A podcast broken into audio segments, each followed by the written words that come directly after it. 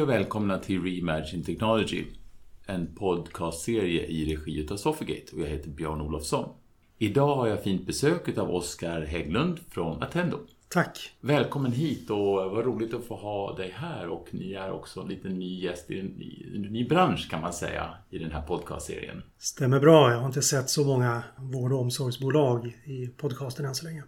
Du, eh, jag tittade lite grann på din LinkedIn-profil inför eh, vår podd idag och du har en eh, ganska bred bakgrund. Kan du inte bara för lyssnarnas skull berätta hur din bakgrund har sett ut och hur det kom sig att du blev IT-direktör, tror jag det står på LinkedIn på Attendo? Gärna det. Jag började med ett intresse för teknik som möjliggörare när jag läste på universitetet, Handelshögskolan i Umeå. Och jag började läsa till civilekonom men fattade tidigt intresse då för tekniken. Det här var i slutet på 90-talet och jag började läsa så småningom till systemvetare. Sen kom mars 2000 och då hade jag ungefär två år kvar av studierna och insåg att det här kommer inte bli någonting med i närtid. Så jag läste klart till civilekonom istället och eh, började arbeta som marknadsanalytiker, eh, marknadsresearcher. Och det gjorde jag i sex år totalt på två olika firmor. Så jag lärde mig hela skandinaviska näringslivet kan man säga och att driva andra konsultföretags marknadsbearbetning och försäljning. Bland annat så byggde vi upp hela application outsourcing-marknaden åt en av de stora internationella bolagen under fem års tid. Nästa steg var ganska naturligt och då klev jag in i en mer renodlad IT-roll på en IT-avdelning på Swedavia. Kort tid därefter så kände jag att så här ska det vara. Det här är roligt på riktigt. Jag kan använda mina marknadskunskaper, hur eh, IT-leveranser bör se ut och vad den verksamhet behöver för att fungera i konkurrensen med IT som motor. Och då bestämde jag mig för att när jag blir stor då ska jag bli CEO. Och nu har jag väl på något sätt blivit stor då. Tog en väg via ett konsultföretag som heter Connecta. Där jag fick eh, finslipa mina IT, strategi och exekveringskunskaper och talanger. Efter det kom jag headhuntad till SJ för att vara Business Information Officer. Business Information Officer innebär att vara IT-ledningens förlängda arm ut i divisionerna och även divisionens arm in till IT-avdelningen. För att ansvara för hela IT-leveransen ehm, och att utveckla IT så att det stöttar divisionerna på rätt sätt. Jag kände efter nästan fyra och ett halvt år där att vi hade kommit till vägs ände. Vi hade gjort stora transformationer, stora transitioner, stora förflyttningar och förbättringar inom företaget. SJ var då ett väldigt digitalt företag där vi eh, letar efter en hel del modern teknik, bland annat tillståndsbaserat underhåll. Det vill säga att ett fordon, ett tåg, ska hela tiden analysera vad händer med fordonet, vad händer med tåget? Finns det några indikationer att någonting kan gå sönder, kommer få stillestånd på linjen? Och då i förväg beställa de komponenter som behövs och reducera eventuellt hastighet på tåget innan det går sönder och blir stillastående på linjen. Otroligt spännande. När det var klart så då blev jag rekryterad till Attendo som IT Director.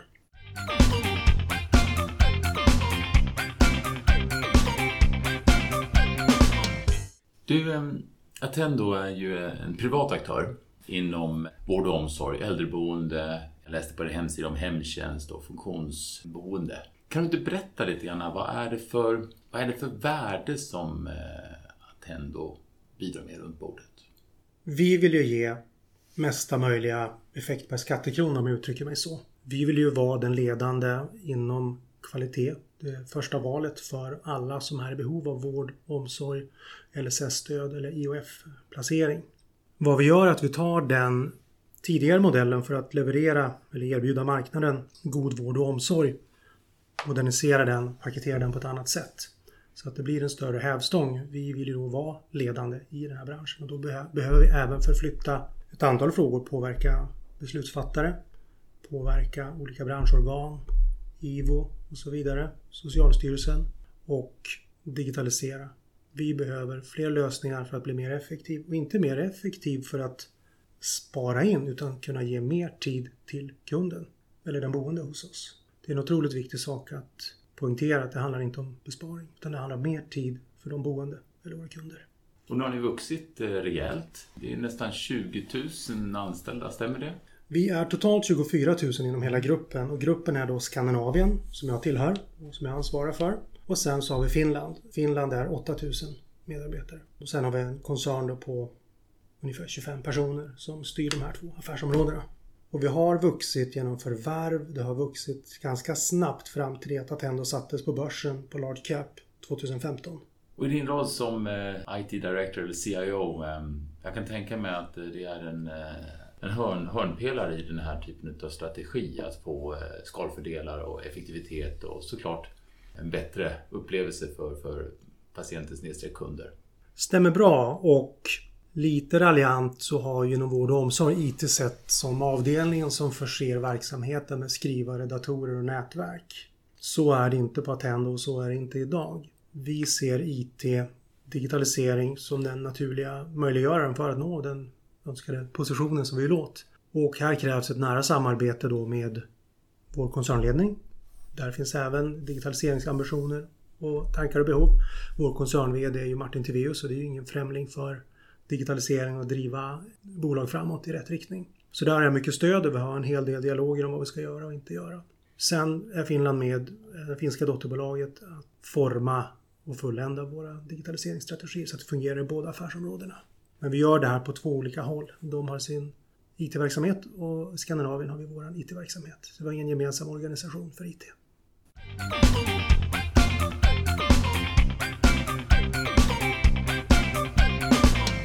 Utan att röja såklart affärshemligheten, men vad, vad, vad har ni för eh, grundpelare i den här digitaliseringsstrategin? Vad är det ni ser framför er? Vi har det uttryckt det ganska enkelt. Cloud and Mobile First. Lätt att säga, men när du har journalsystem exempelvis, dokumentationssystem som är tätt integrerade med kommunerna, kommunerna känner till dessa system, då är vi kortsiktigt bundna till att fortsätta använda dem för kommuner och våra kunder känner till dessa system och då är det inte så lätt att direkt byta ut dem till ett mobilt. Så den här transaktionen tar sin lilla stund. Dels så måste omvärlden vara med på vad vi gör för vi vill ju se att vi driver marknaden framåt. Dels så är det att göra våra befintliga desktoplösningar mobila. Och vi har ett antal redan mobila lösningar för insatsplanering, viss dokumentation och vi har även infört en medarbetarapp och närstående app. Närstående-appen den lanserade vi precis innan sommaren. I Närstående-appen kan alla boende hos oss, eller om det är någon som har hemtjänst, kommunicera med varandra, skicka bilder, visa vad de har gjort under dagen så att det inte ligger i ett Facebookflöde eller Messenger eller sms. Det är svårt för personalen att hitta rätt digitala verktyg om ifall inte Attendo tillhandahåller det. Så vi har tillhandahållit en sådan plattform för kommunikation med anhöriga.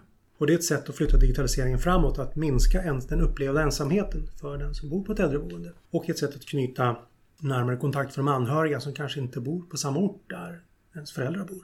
Nu under coronapandemin så kan våra kan vara efterkloka att vi skulle ha gjort det här tidigare. Men det kunde vi inte påverka utan vi satte, satte igång med den här närstående appen så fort vi bara kunde. Och den tanken fanns innan coronapandemin. Är ni, är ni först ut med det här? Vad jag vet, ja. Och vi har fått väldigt god respons det är ju så att du som anhörig vet ju inte riktigt vad som händer med det. Det kan vara ett barn, det kan vara ett syskon, det kan vara en förälder, det kan vara en släkting utanför den närmaste familjen. Som bor på ett eh, LSS eller IOF-hem eh, eller på ett äldreboende. Och du vet inte alltid vad som händer där. Här får du ett fantastiskt sätt att skapa dialog och kommunikation under ordnade former. Jag kan se vad, vad mamma haft för aktiviteter i eftermiddags eller vad hon ska äta för, för mat nästa vecka och så vidare. Otroligt spännande. Så vi har pratat eh, Cloud och Mobile First och lite journalsystem som har kanske en teknikskuld och teknikarv och en historik som mm. man måste beakta. Och så har vi den här Customer Frontend. Vad har ni mer för tung personalplanering? Det måste ha en mängd olika ja, kärnsystem som ligger i bakändan absolut. och får operations att snurra. Absolut, vi har, flera, vi har flera tunga administrativa system vi har sett över hur de mår, de här systemen och vi ser att det finns utrymme för förbättring om jag säger så. Så vi kommer implementera ett antal sådana och de kommer att vara såklart eh, Mobile First baserade. För utan en bra backend så är det svårt att få frontend att bli bra. Och integration, hur ser ni på det? Superviktigt och vi eh, implementerar just nu en ny integrationsplattform för att tillgodose det här behovet. Det här låter som att det här med teknikskuld och eh, något gammalt backbone, det är inte för er utan ni eh, ligger rätt så långt i framkant med, med er strategi. När jag började så gjorde jag så som jag lärt mig som managementkonsult att intervjua. Jag genomförde ungefär 30 intervjuer för tre år sedan genom hela företaget, högt och lågt och djupt och brett och smalt och hela den biten för att förstå vad eh, verksamheten behöver. Sen så tog jag den spegeln och presenterade den för Skandinavienledningen och berättade så här behöver vi göra för att nå önskad situation. Och det godkändes i sin helhet. Så vi satte ju igång full fart med att stänga av 2-3 tusen datorer som var 8 år gamla. Vi stängde av eh, telefoner, vi sköt ut MDM på telefoner, vi stängde av Citrix-miljön för 16 000 användare. Allting för att omfördela kostnader till goda investeringar. Så vi har gjort det här i tre år på IT tillsammans med företagsledningen. Vi införde Office 365 i februari och det var Guds försyn att vi hann ut med det till 750 personer som arbetar mestadels administrativt innan pandemin slog till. Annars hade vi haft det svårt att kommunicera på ett vettigt sätt. Så det blev en crash course för oss i Teams. Så då har vi även eh, Digital Workplace på plats. Kundportaler, journalsystem, integrationsplattform. Jag kom en bra bit. Ja, och så gjorde vi en helt ny omsourcing också av vår datadriftcenterpartner. Så vi har ett nytt relationsbaserat avtal där vi har SLA men inga viten.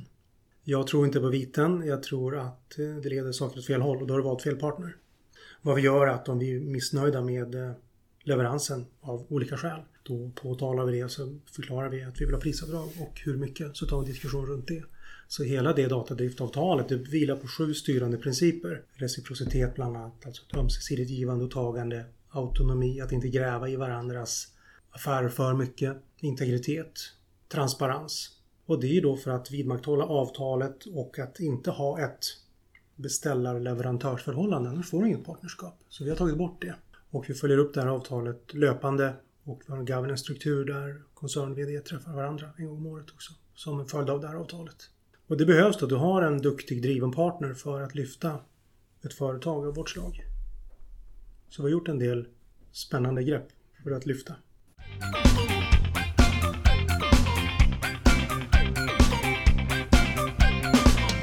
Om vi pratar lite mer om sourcing och det här med governance. Ett strategiskt governance-forum eh, årligen. Mm. Eh, det är viktigt. Ibland så händer det saker som behöver eskaleras upp en bit och då är det rätt bra att man har en plattform på plats.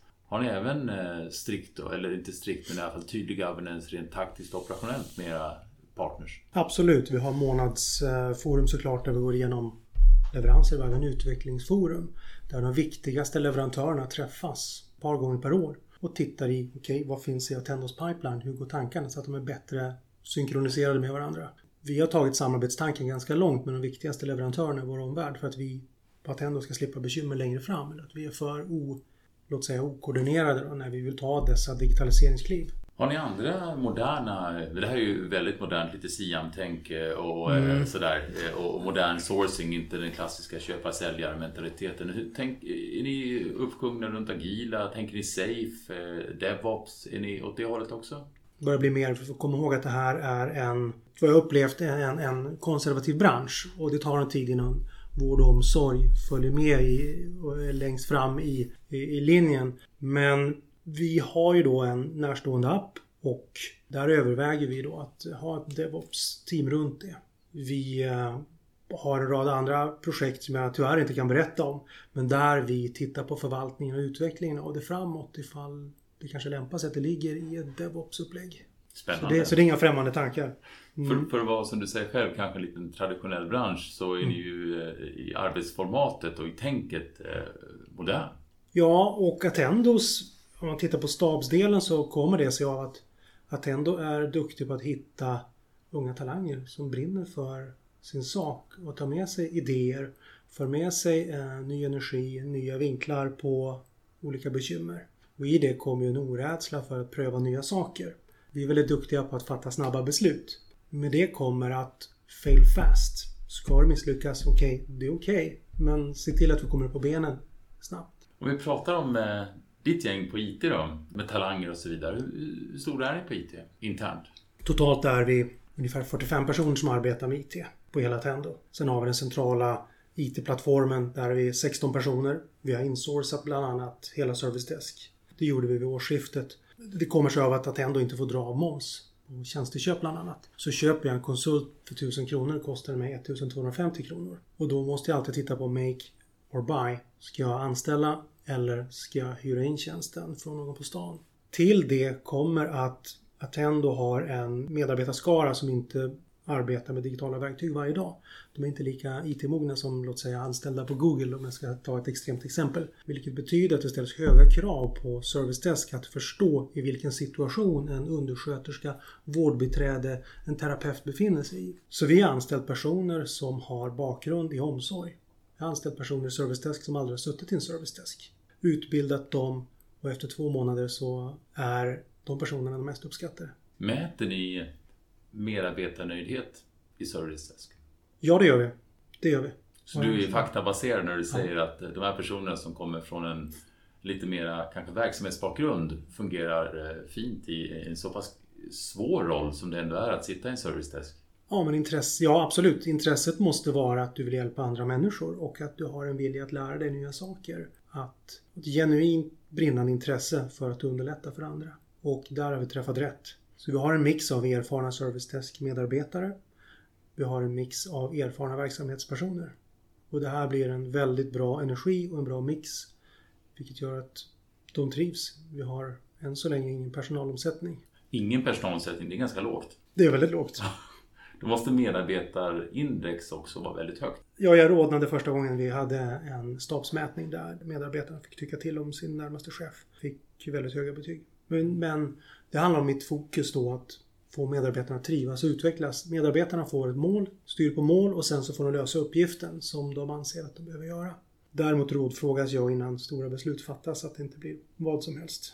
Kan vi inte borra lite grann i det, hur du ser på ledarskap? Och eh, vad du har för principer och tankar eh, när du är ledare? Jag har inte gjort lumpen, men jag tänker ändå enkelt. Led genom exempel. Där jag försöker leda genom exempel. Jag ber också gruppen lösa uppgiften. Gruppen behöver lösa uppgiften. Gruppen kommer då ta ansvar för utkomsten. Till detta så erbjuder jag ett antal utbildningar som kan vara vettiga. Det kan vara hur du, hur du får kollektiv förmåga. Det kan vara traditionella UGL-utbildningar, det kan vara arkitektutbildningar, det kan vara en rad olika sådana saker. Så utbildning är viktigt för mig.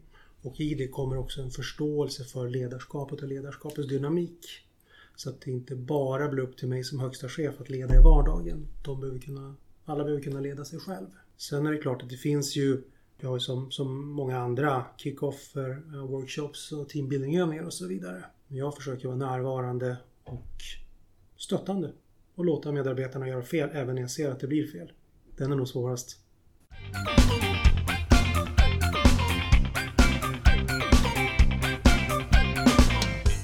Du, eh, hur mycket teknik kan du egentligen om man eh, synar korten? Hur mycket hur många rader kod har du skrivit? Jag har skrivit några rader kod.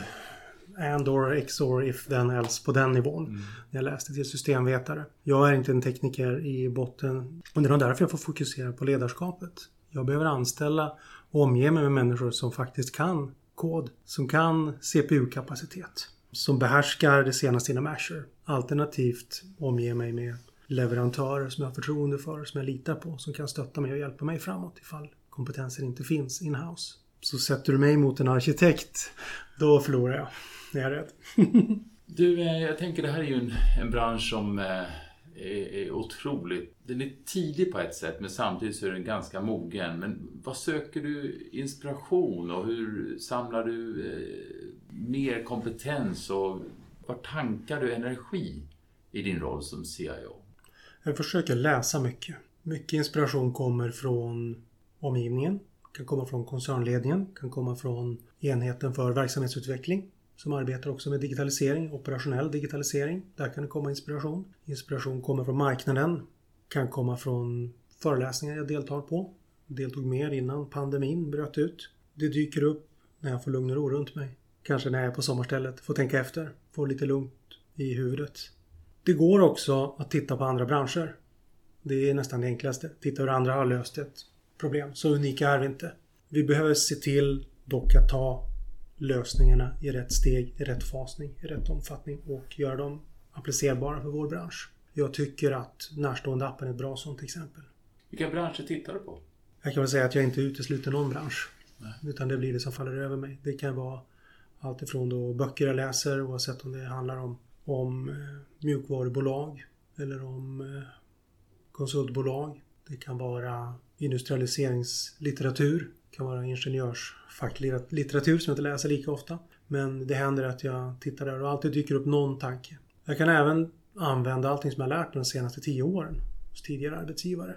Det är en fördel för att driva vår bransch framåt. För allting jag kan ta med mig därifrån underlättar, hjälper. Du, kanske lite avrundningsvis. Ehm, det här är ditt första CIO-jobb. Stämmer. Nu har du blivit stor och fått uppfylla din dröm. Om någon annan eh, skulle fundera på den här rollen och kanske till och med har fått den. Vad har du för råd att ge till någon som är CIO? Vad är viktigt eh, de första hundra dagarna? Förstå vad det handlar om. Och med det menar jag, gör intervjuer, gör det brett i organisationen, förstå vad som sker, förstå vad som inte sker, förstå vart du behöver ta vägen. Formulera ett hur, förankra det med ledningen. Ta din plan, genomför den, iterera, revidera när så behövs. Och ha roligt. Det låter också som att omge sig med rätt personer runt omkring som eh, kompletterar kompetensen. Helt sant. Du behöver ju ha en hel del personer runt omkring dig för att kunna förverkliga din strategi och ditt genomförande. Då måste du ha rätt personal. För det är det viktigaste. För att kunna få någon kraft överhuvudtaget.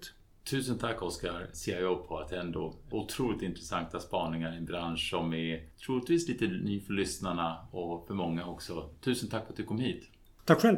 Det här är Reimagine Technology, en podcastserie i regi av Sofagate och jag heter Björn Olofsson.